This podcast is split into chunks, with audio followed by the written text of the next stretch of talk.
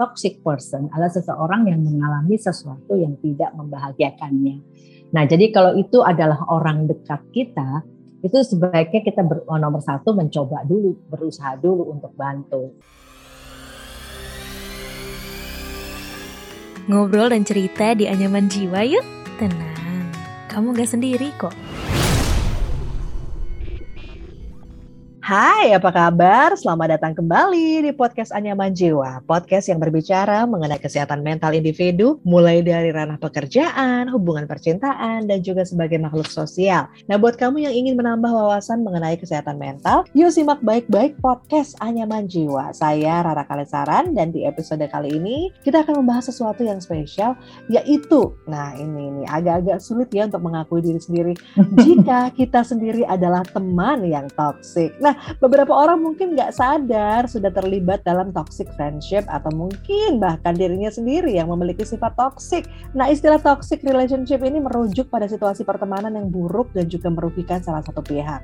Kimberly Hershenson, LMSW, ini seorang psikoterapis spesialis hubungan mengatakan bahwa alasan orang-orang yang bertahan dalam toxic friendship karena terkadang orang ini takut sendirian sehingga memilih untuk tetap stay, untuk tetap menjalin pertemanan dengan seseorang. Setidaknya ia merasa bahwa ada seseorang yang dimilikinya. Nah, meskipun menurut kita memiliki pertemanan yang akrab itu adalah hal yang baik, tapi bukan berarti ya mereka juga baik loh buat kita. Lalu sebenarnya seperti apa toxic friendship itu? Bagaimana cara menanganinya? Lantas kalau misalnya kita sendiri yang memiliki sifat toxic ini, bagaimana cara kita sadar kitanya yang toxic dan kita keluar dari sifat itu? Langsung saja kita panggil ya the one and only ibu kesayangan kita, Ibu Astrid Regina Sapi, psikolog klinis dan CEO Dir Astrid. Bu Astrid. Halo, apa kabar Mbak Rara? Kabar sehat Bu. Wow, senang deh. Kita Oke, alhamdulillah ya. Iya. Mudah-mudahan kita bukan orang toksik ya Mbak Lala. Aduh, jangan sampai nih. Makanya hari ini pengen tahu gitu kan, pengen mengukur diri sendiri. Aku termasuk yang toksik nggak aku beracun nggak buat teman aku nah mungkin sebelumnya ya kita bisa uh, obrolin dulu sama ibu Astrid gitu ya sebenarnya toksik ini dalam hal ini ya toxic friendship ini apa? Lalu faktor apa yang menyebabkan teman atau kita sendiri ini punya sifat toksik ini Bu Astrid? Oke, okay. sebenarnya didefinisikan tuh agak sulit karena banyak ya Mbak Rara kemungkinannya ya. Tapi kalau mau diambil satu garis besar atau satu ukuran besar mungkin adalah seseorang yang bikin orang lain temannya sendiri kalau ini dalam hubungan teman itu nggak nyaman Mbak Rara dalam dalam hmm. hal-hal hmm. tertentu ya jadi uh, kan orang tuh sifatnya banyak ya. Tapi mungkin ada satu satu atau dua sifat tertentu yang bikin temannya itu tidak nyaman. Kan gitu ya? Jadi toksik itu kan racun. Ya. nah yang dimaksud dengan meracuni itu adalah perilaku atau gaya perilaku ya atau sifat atau watak tertentu yang akan bikin orang lain tuh jadi jadi akhirnya keracunan ya. Sakit gitu sedih sakit hmm. uh, atau terpengaruh oleh apa yang dia ucapkan. Maka Mbak Rara pernah dengar toxic positivity? Ada pernah, yang pernah, pernah ya? Nah uh -uh. itu adalah orang yang terus menerus mengatakan hal-hal yang positif sehingga terlalu terlalu manis ya. Jadi kita akhirnya yakin bahwa kita positif padahal nggak positif katanya gitu. Masa ada racun positif gitu ya. Tapi yang dimaksud adalah orang-orang yang terus-menerus memberikan kepada kita feedback, penilaian positif, walaupun nggak benar gitu Mbak Rara. Jadi uh, misalnya ya, ada gambarnya, gambarnya itu sebetulnya jelek gitu. Tapi karena teman kita bilang, ah bagus kok ya, bagus kok hmm. keren kayak gitu ya. Terus memberikan yang positif sehingga kita lupa diri, kita merasa benar-benar positif. Padahal ternyata sebetulnya enggak. Nanti orang lain di luar mungkin akan memberitahu kita yang sebenarnya bahwa itu tidak sepositif yang kita kira. Kita gitu itu ya. Jadi poinnya di sini adalah perilaku, gaya, sikap, watak, hmm. kebiasaan dan sebagainya yang bikin teman, saudara atau pasangan atau siapa itu teracuni dan kemudian bisa terpengaruh. Nah, jadi pengaruh itu yang kemudian nggak bikin dia akhirnya nggak nyaman kan gitu ya. Jadi jadi katakan misalnya seseorang yang selalu uh, meminjam sesuatu, tetapi ya. kemudian nggak pernah ngembaliin gitu kan Mbak Rara ya. Hmm. Tapi kemudian minjam lagi gitu kan ya nggak pernah ngembaliin terus minjam lagi nggak tahu. Kalau ditagih marah. Sehingga akhirnya orang yang dipinjemin terus-terusan itu kan akhirnya jadi sungkan mau nagih. Tapi hmm. ngasih untuk minjem juga nggak enak kan gitu ya. Tapi nggak minjemin dia temen. Nah gitu ya. Jadi berada pada posisi yang yang nggak nyaman. Dan kemudian ya. akhirnya dia juga bisa bisa kemudian berpendapat bahwa misalnya wah orang ini sih memang kerjaannya cuma minjem doang ya. Memang orangnya nggak bisa apa nggak bisa dipercaya gitu kan ya. Nah dia kemudian merasa kalau ketemu sama orang ini aku kok jadi nggak enak sih ya? Kok aku ngerasa aku yang salah ya? E, nggak minjemin sama dia karena dia minta terus padahal dia nggak pernah balikin padahal dia kalau ditagih marah. Tapi kalau yang nggak eh, aku yang nggak minjemin kok jadi aku yang salah? Misalnya misalnya gitu ya marah yeah, ya. yeah. jadi ya itu contoh. Atau seorang yang misalnya pada saat dia uh, orangnya cemburuan misalnya gitu ya pada saat dia cemburu kemudian dia mengatakan pada pasangannya bahwa pasangannya itu jahat bahwa pasangannya itu eh, nggak uh, memperhatikan. Atau teman ya atau teman itu nggak memperhatikan bahwa temannya itu uh, mau egois mau mentingin dirinya sendiri gitu kan ya. Sehingga hmm. itu sering dikatakan setiap saat dia cemburu itu dikatakan. Kemudian kita jadi mikir bener sih nggak kita egois ya? Apakah kita benar uh, nggak memperhatikan sih? Apakah benar kita mengabaikan dia? Gitu kan itu bukan dia yang cemburu ya kok jadi aku yang bermasalah kan gitu kayak gitu malah jadi kita jadi keracunan sama sama kekurangannya dia itu sama atau perilakunya dia itu gitu mbak Rara. Oke. Okay. Banyak sekali contohnya ya sehingga susah banyak. buat didefinisikan maksudnya apa gitu.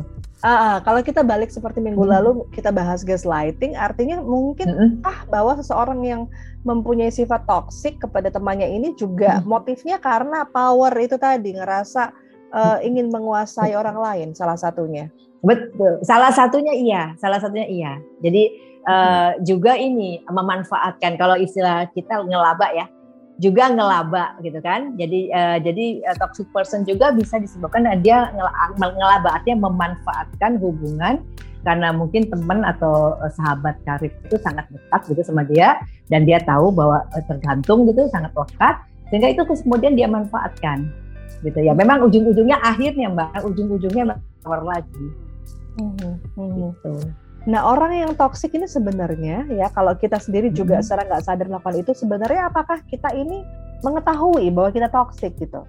Nggak selalu, nggak selalu. Sampai mungkin seseorang menyadarkan kita ya. Tapi kemarin saya punya klien yang bilang gini sama saya, Bu saya ketemu ibu itu karena saya ngerasa diri saya toksik. Loh kenapa kamu ngerasa diri kamu toksik?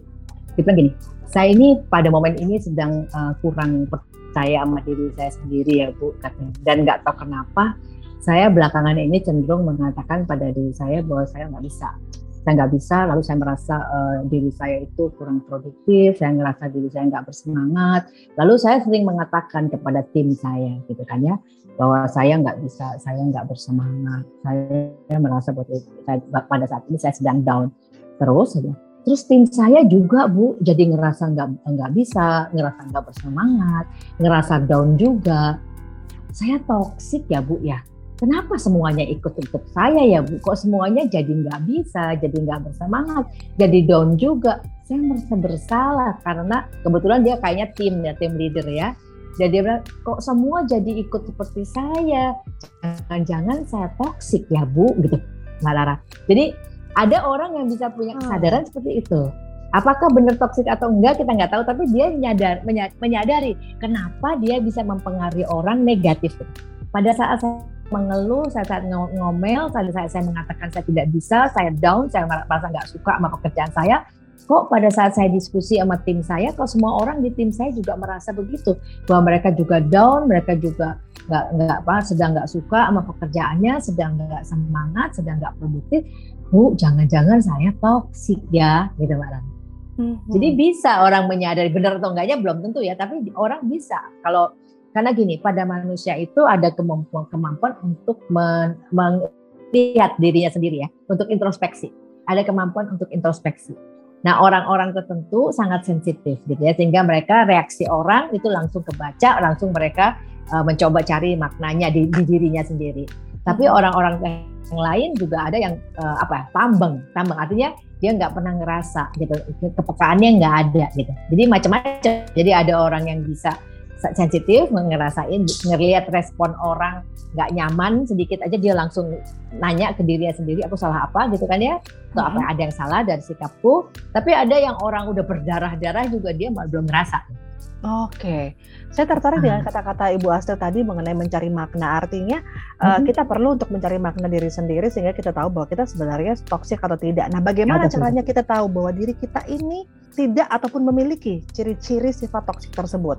Nah, sebetulnya sih cuman cuman sederhananya ngelihat orang lain yang mana artinya gini. Ada sebuah teori sosial yang bilang bagaimana orang lain memperlakukan kamu itu sebetulnya adalah cermin dari bagaimana kamu memperlakukan orang lain.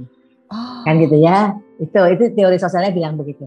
Nah, jadi kita lihat kalau orang itu uh, cenderung misalnya menjauhi atau ke atau nggak suka sama kita atau yang kita tahu di belak di depan kita orangnya baik tapi kita tahu di belakang mereka ngomong kita maka kita bukannya me menyalahkan mereka tapi kita periksa ada apa ya dengan saya gitu ya kenapa hmm. semua orang seperti ini gitu kan karena teori itu bilang apa yang saya lakukan itu apa yang akan saya dapatkan gitu Mbak Rara. Nah kalau hmm. semua orang berlaku seperti ini jangan-jangan saya yang seperti itu. Jadi kita hanya bisa tahu dengan ngelihat uh, reaksi-reaksi orang lain sekitar kita. Nah kemudian kalau kita mungkin ngerasa ada yang kurang beres, kita bisa tanya sama seseorang yang kita percaya, yang dekat sama kita, yang juga mungkin bisa ngelihat perilaku kita dan kita percaya. Misalnya kita kita ajak ngomong dia, aku kok ngerasa begini, begini, begini. Menurut pengamatan kamu bagaimana? Nah jangan-jangan jangan-jangan dia bilang gini loh, emang lo begitu dari dulu juga, misalnya gitu ya. Astaga, jadi jadi jadi saya ini top dari dulu juga gitu. Kamu selalu bikin orang nggak nyaman kok karena kamu uh, apa pedes kalau ngomong, cenderung menghina, judgement pula, bisa gitu ya teman-teman teman kita bilang. Oh gitu ya, iya kok kamu baru bilang lah kamu baru tanya misalnya misalnya gitu kan. Jadi uh, okay. jadi Ya, uh, jadi kita lihat, kita coba rasa introspeksi dan tanya sama seseorang yang dekat sama kita gitu, yang hmm. bisa ngelihat semua itu. Dan juga sebaliknya ya, kalau kita hmm. juga merasa teman kita toksik ya, ada toxic. baiknya memang kita yang harus uh, kasih tahu gitu ya. Kasih tahu, betul. Okay. Kamu nggak boleh gitu loh, kamu bikin orang lain sakit atau kamu bikin orang lain kejepit ya, merasa bersalah gitu kan terhadap mesti gimana gitu ngadepin, jangan gitu dong kamu bikin orang pusing, misalnya kita bilang gitu. Hmm, hmm, hmm, hmm. Uh, artinya memang kita kalau bagaimana kita pengen tahu ya kita harus tanya juga. Karena kadang-kadang kita kurang sensitif atau kurang peka ya. Dan juga kalau kita yang posisinya mempunyai teman yang toksik hmm. juga jangan lupa jangan takut untuk menegur begitu ya. Uh, ini kita kembali ke tadi nih. Betul. Dua, dua istilah yang kontradiktif sebenarnya, hmm. toxic positivity. toxic tapi kok positif ya. gitu kan ya. Saya itu nggak setuju lah bingung ke positif. Agak-agak bingung mendengarnya. Nah, misalnya apakah benar contohnya misalnya gini, kita lagi curhat lalu teman kita curhat dan kita bilang, "Ya udah hmm. sih, nggak usah dipikirin, banyak kok orang yang punya masalah kayak lu, lu aja mungkin yang kurang bersyukur." Apakah ini hmm. termasuk dalam toxic positivity itu nah, tadi, Ibu? Katanya begitu. Hmm. Jadi kita dienak-enakin, kita diseneng-senengin, padahal sebetulnya uh, tidak begitu. Nah, tapi kalau kalau menurut saya ya, kalau yang Mbak Tara ngomongin tadi sih, kalau pengalaman saya, kalau memang saya menemukan saya katakan itu. Jadi kamu bukan satu-satunya yang mengalami. Saya saya mengalami apa dapat kasus kayak ini udah banyak gitu ya. Kalau saya bukan dalam rangka mengenak-enakan dia gitu kan, tapi ingin mengatakan pada dia ini bukan kasus aneh gitu kan karena banyak orang yang uh, merasa aneh. Nah, apa misalnya aneh kok saya mengalami seperti ini, misalnya gitu ya Mbak. Tapi kalau dipandang dari konsep yang buat aku juga bikin bingung ya. Emang maksudnya salah satunya itu. Jadi membiarkan kita tenang, membiarkan kita merasa nyaman atau membiarkan kita merasa bahwa yang kita lakukan ini benar gitu Mbak Rara. Padahal kita jadi terbuai, kita jadi terlena karena sebetulnya kondisi yang begitu katanya gitu. Sama seperti kita bahas minggu lalu mengenai gaslighting ya. Kalau misalnya memang ini toxic atau sifat ini terus-terusan tidak bisa dibilangin, ya memang lebih baik kita undur diri. Apakah ini juga yang akan kita lakukan terhadap toxic people ataupun teman kita ataupun uh, sahabat kita yang toxic? Uh, sebenarnya gini, karena toxic people itu sebetulnya pasti latar belakangnya ada sesuatu yang tidak membuat dia bahagia sebetulnya. Karena kan Mbak Rara sebetulnya semua orang itu kan mencerminkan apa yang ada di dalam dirinya ya. Jadi uh, apa yang dia rasakan, apa yang ada dalam dirinya secara umum. Kalau dia tuh bahagia, maka cenderung dia akan buat semua orang sekitar dia juga bahagia, kan gitu. Kalau dia nggak bahagia, maka dia juga ingin bikin orang tanpa sadar ya, ingin bikin orang di sekitarnya juga nggak bahagia. Nah, kalau dipandang dari konsep ini, maka toxic person adalah seseorang yang mengalami sesuatu yang tidak membahagiakannya. Nah, jadi kalau itu adalah orang dekat kita, itu sebaiknya kita ber, oh, nomor satu mencoba dulu, berusaha dulu untuk bantu. Nanti kayak kayak yang kita bicarakan juga di gaslighting kemarin, kalau kita udah tiga kali mencobanya dan gagal, mungkin ya sudah memang orang ini nggak bisa dibantu kan gitu Mbak Mm-hmm. Tapi biasanya yang seperti ini mungkin yang dalam tahap friendshipnya memang sudah deep ya, karena kebanyakan kalau saya uh, pengalaman-pengalaman pertemanan yang sudah-sudah gitu ya, kalau kita ngerasa temen toksik, kita nggak cocok ya, udah kita simply kita uh, nggak temenan lagi aja, simple gitu ya. Atau kalau mau melihat melihat gampang aja, okay. kita sebenarnya toksik atau enggak, kita lihat aja teman kita kok teman kita banyak ganti-ganti terus atau mungkin banyak teman yang nggak lama ya kalau temenan gitu atau kita bahkan malah nggak punya teman itu juga bisa menjadi salah satu cara ya Bu Betul, indikator benar. Itu kan mengkhawatirkan ya. Ini kenapa kok nggak pernah ada yang nyantol gitu kan ya? Iya, iya, iya, iya. Baik. Wow. Dan uh, ini tadi sudah banyak ya sebenarnya tips-tips hmm. yang dilakukan, uh, yang disampaikan oleh Ibu Astrid untuk kita bagaimana menghadapi orang-orang yang hmm. beracun atau juga membebaskan diri dari hal-hal negatif.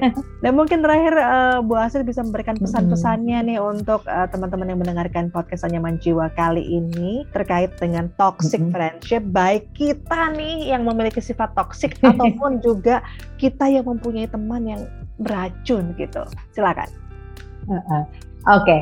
uh, eh, yang jelas uh, itu sesuatu kondisi yang terjadi pada seseorang karena satu alasan ya dan kita kalau menjadi temannya kita punya pilihan. Apakah kita akan membantu dia untuk menyelesaikan agar dia tidak lagi menjadi seorang toxic person yang mengembangkan toxic relationship atau kita mau cari gampang aja karena teman lain masih banyak kan gitu ya?